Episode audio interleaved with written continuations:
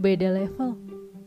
Sebagaimana sekolah yang memiliki tingkatan, demikian juga dengan cara berpikir seseorang. Setiap orang punya tingkat berpikir yang berbeda. Itu sebabnya nggak heran jika ada yang nggak nyampe dengan cara berpikir kita. Jika bicara tentang selera, itu hal yang relatif. Nggak ada yang benar atau salah. Tapi jika bicara tentang prinsip, itu yang susah.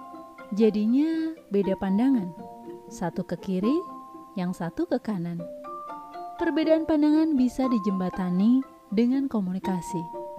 Namun, jika perbedaan pandangan sudah dijembatani dengan komunikasi dan masih belum nyampe juga, belum ketemu juga, hmm, berarti ada jurang pemisah begitu dalam. Levelnya beda. Dah, lepasin aja. Kita nggak bisa maksa. Nggak usah dipaksakan. Biar saja dia dengan prosesnya sendiri, sampai akhirnya dia tiba di titik yang sekarang kita ada. So, lanjutkan saja perjalanan kita.